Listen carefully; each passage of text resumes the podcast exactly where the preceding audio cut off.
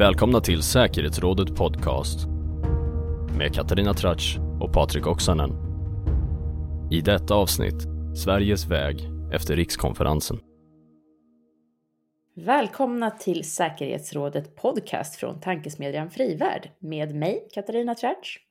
Och med mig Patrik Oksanen och vi ska titta framåt idag, så här några dagar efter årets säkerhetspolitiska och försvarspolitiska höjdpunkt i Sverige har lagt sig, Folk och Försvars rikskonferens. Eh, och vad betyder det här för året som kommer?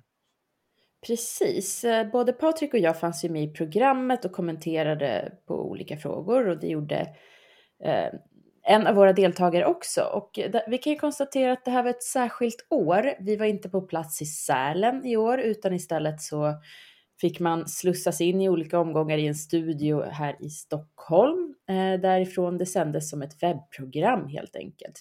Eh, och för att försöka förstå vad som sades och vad det kommer få för inverkan för det säkerhetspolitiska året framåt så har vi två stycken erfarna analytiker, kommentatorer och konferensbesökare till vår hjälp. Välkomna Oskar Jonsson och Annika Nordgren Kristensen. Ni är ju välkända för de allra flesta som är intresserade av den försvars och säkerhetspolitiska debatten. Men för lyssnare som kanske ändå inte råkar veta vilka ni är, kan ni med två meningar förklara vem den andra är. Oskar, varsågod och presentera Annika. Mm, två meningar, det, det, är en bra utmaning att, att sammanfatta det här, men, men Annika är väl en, en säkerhets och försvarspolitisk virtuos med över 20 års erfarenhet ifrån, ifrån riksdagen, ifrån försvarsberedningen, ifrån, som utreder för regeringen och för oss som är riktigt gamla så kan vi också minnas, minnas Newswill. Men eh, Annika är ofta några av de, de, de skarpaste eh, analyserna kring det här som, som, ser igenom lite av både fluff och eh, fångar substansen. Ja, det var två härligt långa och välbeskrivande meningar. Vad säger du om Oskar, Annika?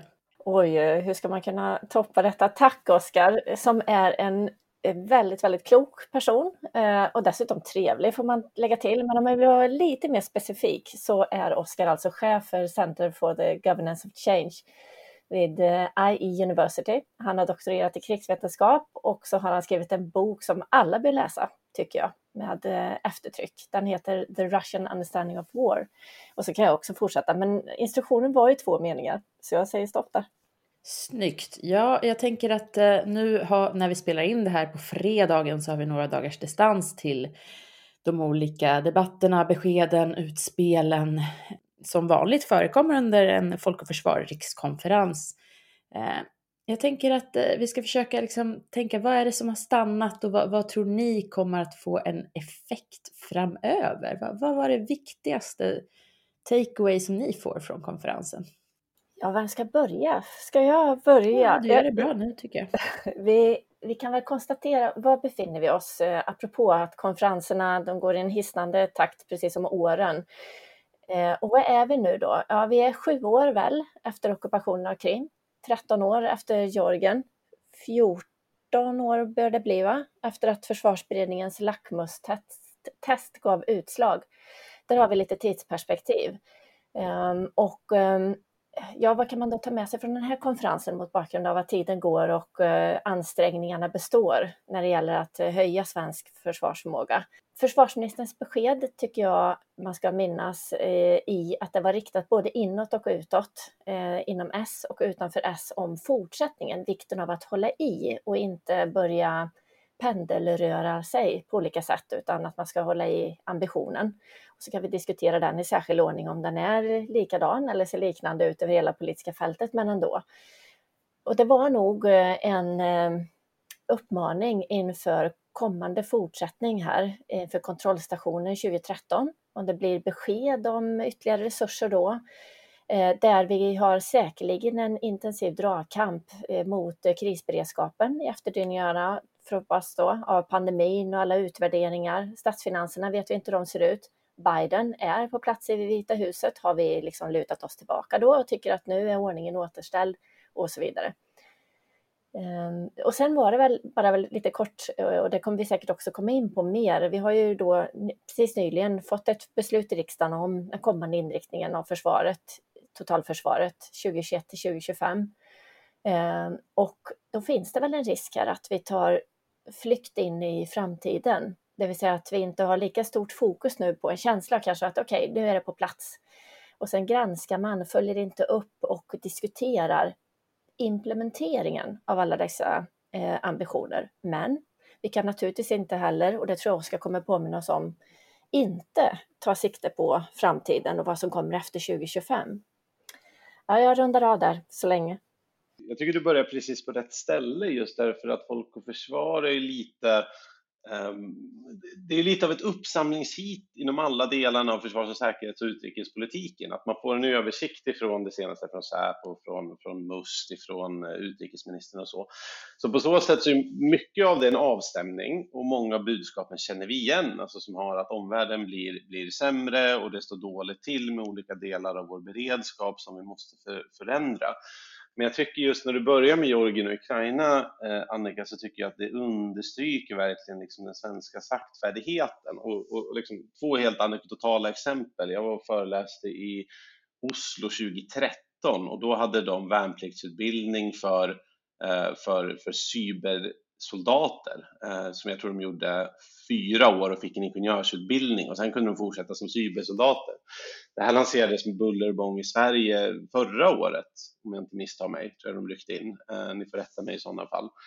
Eh, det andra är att eh, för i år så tilldelade, tilldelades eh, flera miljoner för att upp, sätta upp ett Kina och Rysslands kompetenscentrum Um, vilket, ja, Kina-chefen blev precis utnämnd för två veckor sedan när, när ja, pengarna tilldelades för året. Men egentligen så är båda fem, sju år försenad, medan till exempel finska statsrådsberedningen, det första de gjorde efter invasionen av Ukraina var att de började lägga ut uppdrag på massa ledande internationella experter, hur kan man förstå situationen för att få, för att få det läget ganska snabbt.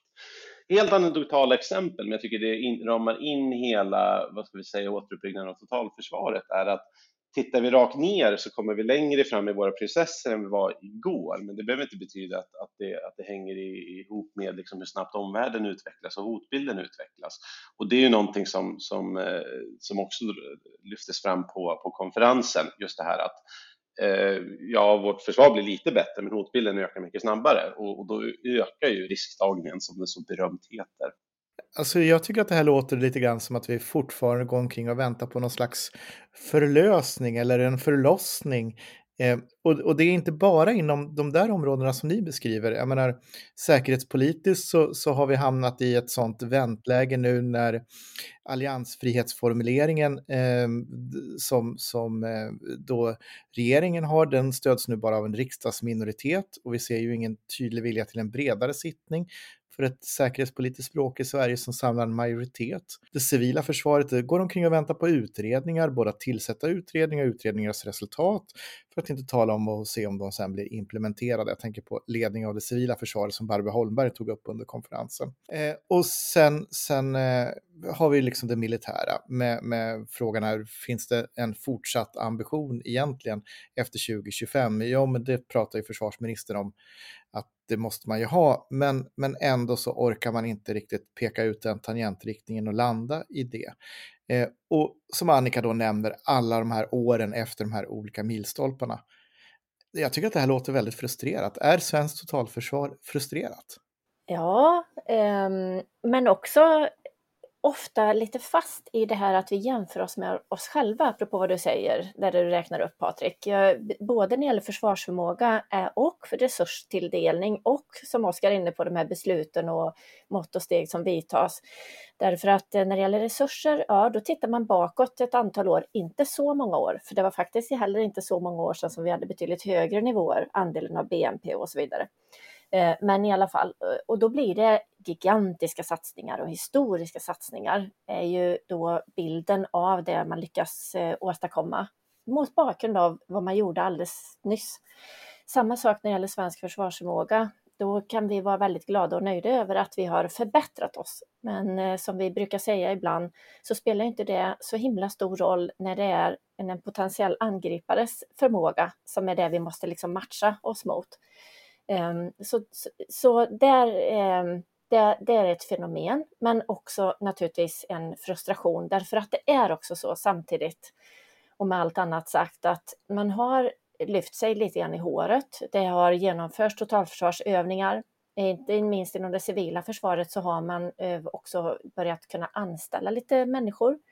Ehm, och på den militära sidan så är i alla fall retoriskt Eh, ut, det är en utstakad framtid här med fortsatta eh, ambitionshöjningar. Så, så det är inte helt nattsvart, men det är heller inte så att vi kan vara nöjda och glada bara för att vi har blivit lite bättre än vad vi själva var ganska nyss. Annika, det där var en elegant utläggning om huruvida svenskt totalförsvar är frustrerat. Oskar, är du frustrerad? Eh, ja, alltså frågan är om man är frustrerad eller om man är cynisk vid det här laget. Alltså en, en, en väldigt klok person in i svängen sa till mig någonting så här, det är ganska glatt så här, ja, det, här försvarsbeslutet blev eh, ganska mycket fel. Nej, vi får bara blicka framåt om fem år igen, det kommer ett nytt ås. Och, och det är lite så där, jag har hört det där ett par gånger, det var samma diskussion, alltså 2015, det var samma diskussion så här att Um, framförallt när man varit i debattsvängen och försökt att påverka det här på, på, på ena sidan och den andra.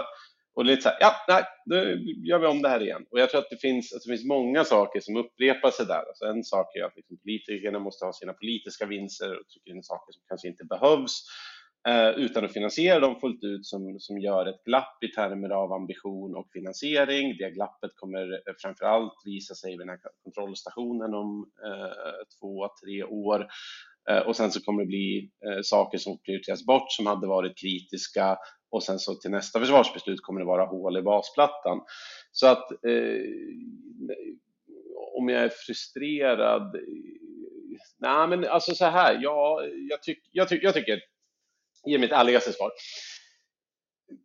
Man ska försöka påverka det här så mycket som det går, sen så sätts en summa och när den summan är sett så ska man försöka göra det mesta av det mesta och bästa som finns av den så summan, så fungerar all politik. Jag tycker, tycker det här borde värderas högre, ja det tycker jag. Eh, förstår jag att, att man kan tycka att annat är viktigt också, ja det gör jag. Så det, det, är väl eh,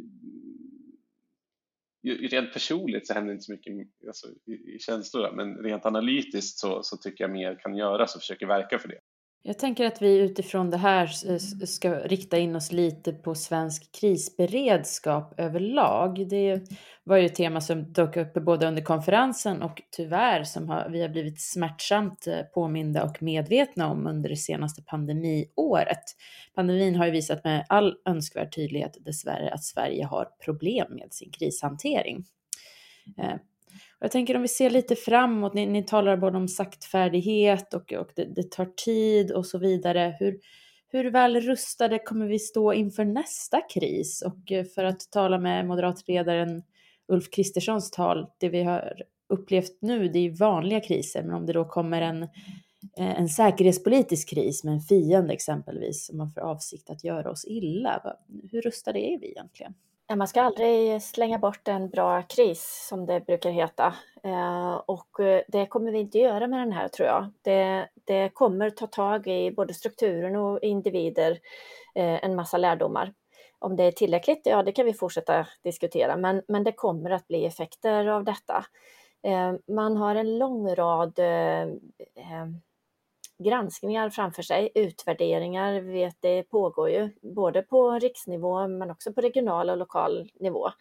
Eh, regeringen har aviserat att man ska eh, tillsätta en kommitté om detta, frågan om hur framtida regeringar ska få en större handlingsfrihet. Och vi har en lång rad utredningar inom, inom civilt försvar, eh, inte minst inom hälso och sjukvården kopplat till civilt försvar, kris och krig omfattar ju dem. Så att det, det är, vi är i väntan på mycket eh, samtidigt som det naturligtvis dras varje dag lärdomar av det här ute i verksamheter.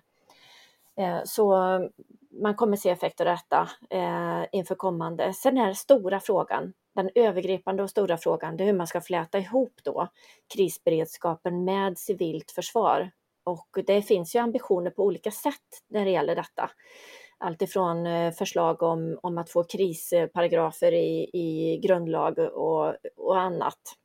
Eh, det, det, är ju ett gigantiskt område om man ska börja se över beredskapslagstiftningen. Och då kan vi snacka långa tidsperioder för hur det brukar kunna ta när man är inne och petar i, i så stora områden inom lagstiftningen. Eh, men att det är på gång på olika sätt, det kan vi också vara ganska säkra på tror jag. Delar du den bilden, Oskar?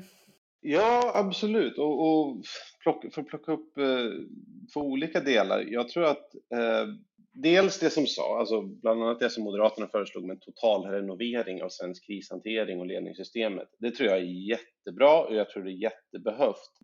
Och jag tror att det är en av våra stora problem. Jag har, jag har sagt det tidigare, men någonstans så tror jag att eh, liksom, vardera myndighet vi har i, i, i det här landet är väldigt kompetent och bra att lösa liksom, problemområdet inom sina myndigheter. Men att sitta och titta och förstå saker gemensamt och möta en strategi av en motståndare som använder sig av väldigt många olika domäner.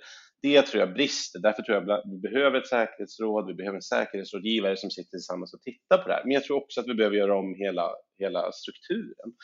Alltså vi har just nu eh, vi har ju väldigt, väldigt mycket samordning och en, en kompis lyfte exemplet som jag tycker är så bra. Alltså vi har en vaccinsamordnare sedan sex månader sedan tillbaka och när vaccinerna började komma så hade vi inte listat ut vem som var prioriterad och vi skulle göra.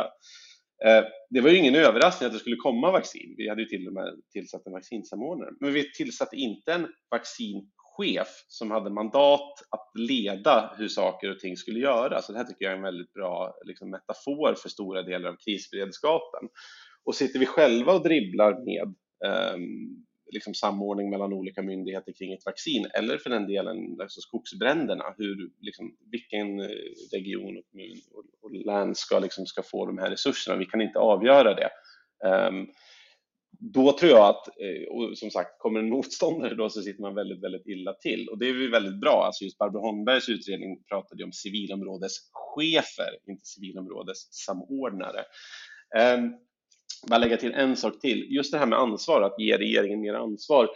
Det är ju bra, men jag är inte säker på att regeringen vill ha Eh, ansvaret. Tvärtom så flyttar man krishanteringen bort från statsrådsberedningen till justitiedepartementet eh, så att man kan liksom njuta av det här. Eh, jag visste inte jag gjorde vad, för det är ju det, det som händer när en kris. Eller när, man, när det ska drevas efter en kris så är frågan alltid vem visste vad och när. Eh, och det var väl så Stefan Löfven räddade sig där med Transportstyrelsen, att det visade sig att det hade kommit en statssekreterare, Emma Lennartsson, som fick avgå i hans ställe. Det var det som egentligen räddade kvar Peter Hultqvist vid misstroendevotumet. Det visade sig att ja, statsministerns kansli hade vetskap om det tidigare. Så jag tror att det, eh, jag tror att det och jag är ingen jurist, men jag tror inte problemet främst är att regeringen inte kan utöva ledarskap, utan en stor del är att de inte är så sugna på det, för att det, det är trist om det går dåligt. Och det tror jag bara knyter tillbaks till mentaliteten och kulturen som måste förändras.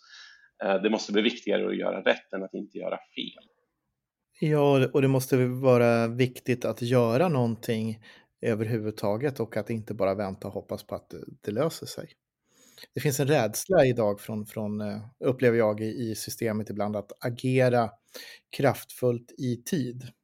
Och är det någonting vi kan om kriser så är det ju som så att ju, ju snabbare och mer kraftfullt du går in i början av en kris, desto lättare har du att takta ifall krisen eskalerar. Och sen är det ganska enkelt ändå att trappa ner, men kommer du efter så kommer du alltid att vara efter och det är jättesvårt att komma ikapp. Ja, verkligen, verkligen. Jag är helt, helt enig. Men vi ska också lägga till det här, du var inne på det Oskar, visst var det det om, om eh, eh eller om det var Katarina som pratade just det här. Nu har, nu har vi ett spår och det påverkar med pandemin, alltså det påverkar väldigt naturligtvis väldigt många samhällsområden. Eh, på, på alla sätt slår det igenom. Men lägg till ett stort elbortfall eller en antagonist som eh, medvetet och med vilja försöker påverka oss på olika sätt ovanpå detta. Eh, jag tror att det finns eh, lite olika mentalitet eh, i myndigheterna när det gäller när ska en krishantering komma igång.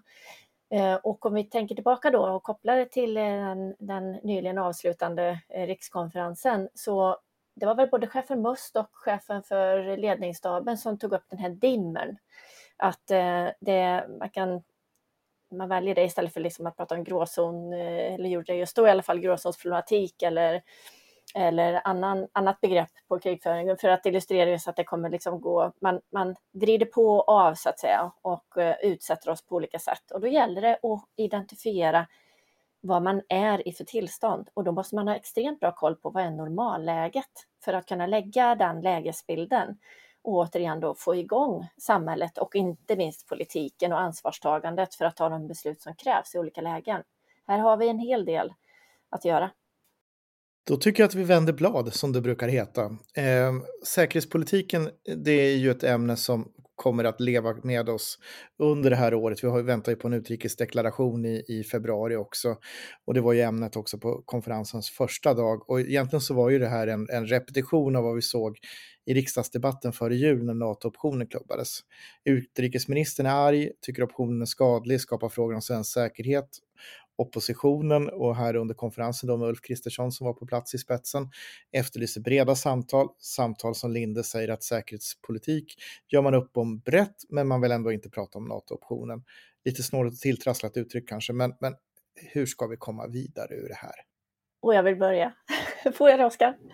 För jag tänker så här, att vad, vad handlar det om nu egentligen? Jo, man måste om man tycker att det här är angeläget, och det är ju många som tycker, att komma ur den här, vad ska vi kalla det då, låsningen man måste komma ur det här läget genom att rädda ansiktet på samtliga inblandade utifrån sina tidigare positioner, särskilt S. Om de ska byta åsikt i den här frågan så måste man kanske bjuda dem på att det ska verka som att de har kommit på en ny och bra idé. Eh, och det, och det brukar jag säga, det är till del skämtsamt men med lite allvar bakom. Om man byter namn på någonting så kan det lösa upp ett och annat. Om man bjuder socialdemokratin på att eh, byta namn på det Sverige skulle kunna gå med i, absolut fortfarande NATO, en, eh, en knopp, avknoppning av samarbetet till en nordisk del, Noto, är min gamla idé. Eh, det skulle kanske kunna eh, funka, men då måste man å andra sidan då vara väldigt generös på den sida som har sagt att detta är en viktig sak framåt eh, och bjuda på detta. Och det kan ju vara för sakens bästa möjligt att man vill, skulle kunna tänka sig att göra det. Men eh, fan trot, som det brukar heta. En notoption skulle lösa upp det här alltså? Precis, eller att eh, Socialdemokraterna helt enkelt ringer sin partikollega Jens Stoltenberg och frågar om lite försynt kan byta namn på Alliansen så att Sverige enkelt kan gå med. Låter det som en bra idé, Oskar? Ja, men jag, jag har nog faktiskt lösningen här. Eh, inte för, för att byta namn på NATO, men för att byta namn på NATO-optionen. Och jag skulle vilja föreslå namnbytet eh, lite vanligt hedligt bondförnuft. Um, och det tror jag man skulle kunna få med Socialdemokraterna på om man, om man pushar dem. För vad NATO-optionen egentligen innebär, det är, det säger så här, man kommunicerar till Ryssland. Om ni inte beter er kan vi tänka oss att söka medlemskap i NATO. Det, det, man kan vända på det och säga så här, i en riktigt krisig situation, är det, är det rimligt på något sätt att utesluta det på förhand? Alltså i, i sig så innebär NATO-optionen inte mycket mer än det. Så att eh, det kan med fördel ompaketeras här. Och om den större frågan då, ja, eh, vad Okej, okay, varför spelar NATO-optionen någon roll? Jo, det, det, det, blir ju ett form av närmande till NATO och utrikesministern kan inte heller förlita sig längre på det man tidigare sagt. Nej, det finns inget folkligt stöd och så. Nu är de senaste mätningarna visat att det är jämnt skägg eller till och med fördel NATO och liksom, så att man kan inte trilla bort det. Men jag pratade med en gammal S-veteran som så här, med givet bakgrunden då att S har eh, liksom lyft fram försvarssamarbeten med, med, liksom med USA, med, med Storbritannien, med Frankrike, alltså de viktigaste länderna i NATO. Och problemet för förut var att NATO, det var imperialism och grejer, medan nu har vi direkta försvarssamarbeten med de här gamla imperialisterna. Så då är frågan, vad är problemet? Och då, så här, vad skulle krävas för att Socialdemokraterna skulle, skulle svänga i NATO-frågan, frågade jag då vederbörande. Han sa, Ja, det, det, är väl att eh, Olof Palme skulle återuppstå i sin grav och, och, och ge grönt ljus för en NATO-anslutning och säga hej, jag samarbetade ändå hemligt med, med, de här, med den här organisationen och det är bra och viktigt för svensk säkerhet. Och sen skulle de dyka ner igen i graven och sen skulle sossarna kunna gå in i NATO. Eh, det vet jag, det är lite svårare att veta hur man skulle iscensätta, men eh, det skulle väl lösa den, den större frågan. Men, men jag lanserar ändå bondförnuft eh, som utbyte mot NATO-option. Men är det inte lite det vi har sett egentligen de senaste åren? Alltså jag tycker ändå att det är häpnadsväckande hur Socialdemokraterna från officiellt håll har bytt retorik i den här frågan. Alltså från att prata om NATO som ett problem på grund av imperialism till att betona vikten av ständigt närmare samarbete, till att samarbeta extremt nära med USA under Trump, eh, till att någonstans säga att ja, det här har vi hört från officiella företrädare, NATO är inte tillräckligt effektivt Eh, det är bättre att samarbeta direkt med USA? Är det liksom inte eh, den typen av skifte vi, vi ser nu? Jag undrar det faktiskt, eh, därför att en del tolkar ju Peter Hultqvists linje som att han egentligen är lite intresserad av NATO-medlemskap, eller i alla fall inte har så väldigt mycket emot det. Just precis av den orsak som du, eller det som du beskriver med retoriken kring de här olika samarbetena i en lång rad. Det sluts ju samarbetsavtal hej vilt, höll jag på att säga, under eh, Hultqvist fögderi. Men han tycker på riktigt och på stort allvar att det är en dålig idé han tycker genuint det. Så det är lätt att missta sig som sagt eftersom han pratar så varmt om inte minst den transatlantiska relationerna och Sverige-USA-samarbetet. Eh, men han tycker inte det och det beror på, vilket är ju naturligtvis paradoxalt på många sätt, att det skulle, vara, det skulle anstränga säkerhetssituationen i närområdet. Läs eh, viss hänsynstagande till den ryska sidan i den bemärkelsen. Och då kan man säga att ambitionen är då att ha en så stor avspänning som möjligt i detta spända läge som, som råder. Eh, och, och då är man oense om det, eller vi, inte vi kanske, men många är oense om det verkligen är det, eller om det inte är istället en säkerhetsfrämjande verksamhet som har också slagits fast i olika utredningar genom åren eh, att detta skulle vara säkerhetsfrämjande. Men i alla fall, det är liksom en liten annan diskussion. Eh, så, så jag tror inte att man ska, tyvärr kanske då, eh, beroende på vad man tycker i sakfrågan, tolka eh, detta som ett slags närmande eller som en ökad pragmatism i den delen. Ja, vi skulle kunna ha ett helt avsnitt där vi liksom analyserar eh, vad man egentligen menar och eh, vad man egentligen tycker i den här frågan. Det kan, finns mycket liksom, psykologi och partitaktik bakom det också misstänker jag. Eh, men vi börjar ändå närma oss slutet av den här podden så att jag tänker att vi ska runda av lite genom att liksom summera vad vi har pratat om. Det har uttryckts en del frustration och eh, liksom funderingar kring Sveriges fungerande helhet när det kommer till totalförsvar och eh, en koherent fungerande säkerhetspolitisk strategi kombinerat med en effektiv krishantering. Eh, vad tror ni framåt? Liksom? Kommer vi hamna i det här optimalläget där allt det här funkar eh, felfritt, eller i alla fall lite mer som vi vill. Vad, vad säger du Oskar? Nej, men jag har väl varit med tillräckligt länge nu för att inse att, att det är eh, liksom i grunden vad man kallar ett fysiskt arbete, att det är ett arbete hela tiden. Och det är också viktigt att förstå när krisen kommer så kommer ju ingen av de här organisationerna vi tittar på vara, vara helt färdigställda och, och fullbemannade och fullövade, utan krisen kommer komma i ett läge som nu när liksom åtminstone två tredjedelar är under ombildning och omformering. Nej, jag tror att det man måste göra eh, någonstans, eh, som det heter i startup-världen, move fast and break things. Eh, jag tror att liksom det intellektuella kapitalet finns. Jag tror att det är en struktur som är väldigt långsam att reformera och med det sagt så, så, så betyder det inte slå allting i kras och börja limma ihop skärvorna, men att eh, liksom ge mandat, ge resurser till, till, till vad man behöver göra. Också en frågeställning, hur gör man det här på snabbare än, en en treårssikt, en sjuårssikt, en tolvårssikt? Alltså att, att det här, och jag tror de exemplen visade var bara några. Inser vi att vi behöver cybersoldater, ja men så här, hur, kan vi, hur kan vi få det här up and running om sex månader? Alltså inte låta oss utreda det här och det blir tre år. Inget ont om att utreda det i personalfrågor för att det är extremt komplex materia, men jag saknar väldigt mycket, eh, liksom, kan man göra det på halva tiden och få 85 procent så är det ofta bättre än om man gör det på dubbla tiden och får 96 procent. Så det mindset-tänket och då är det liksom resurser, mandat och sen får man vara beredd att stå när det stormar lite mot att, att det gör saker. Jag fortsätter på, på Oskars linje där. Absolut mindset. Vi har tränat och tränat och övat oss på att skära ner eh, var, var fredsrationella i ordets mest vida bemärkelse. Eh, och vi är, trots att vi har haft ett antal stora kriser, eh, ovana vid att identifiera att nu är det skarpt läge och allvar. Och det, det är väldigt mycket i mentaliteten. Eh, vi kommer aldrig ha det perfekta läget för att fatta olika beslut. Man kan alltid prata om att det, snart så kan vi ta det språnget eh, och då tycker jag att vi behöver lära oss av, av de senaste 20 åren att eh, man kan gott göra det. Eh, och jag kan bara understryka det Oskar säger där, att då är det bättre att vara i rörelse än att stå still och vänta. tack båda för de reflektionerna. Med det så har det blivit dags för oss att sätta punkt för den här podden. Eh, med en podd från säkerhetsrådet, Frivärd, med våra gäster Oskar Jonsson och Annika Nordgren Kristensen samt med mig Katarina Trash och med Patrik Oksanen. Och podden finns där poddar finns. Glöm inte att prenumerera så att du inte missar ett nytt avsnitt.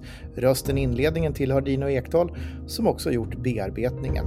Tack för att ni har lyssnat och kom ihåg, Sverige är värt att försvara, motståndet upphör aldrig. Ha det gott!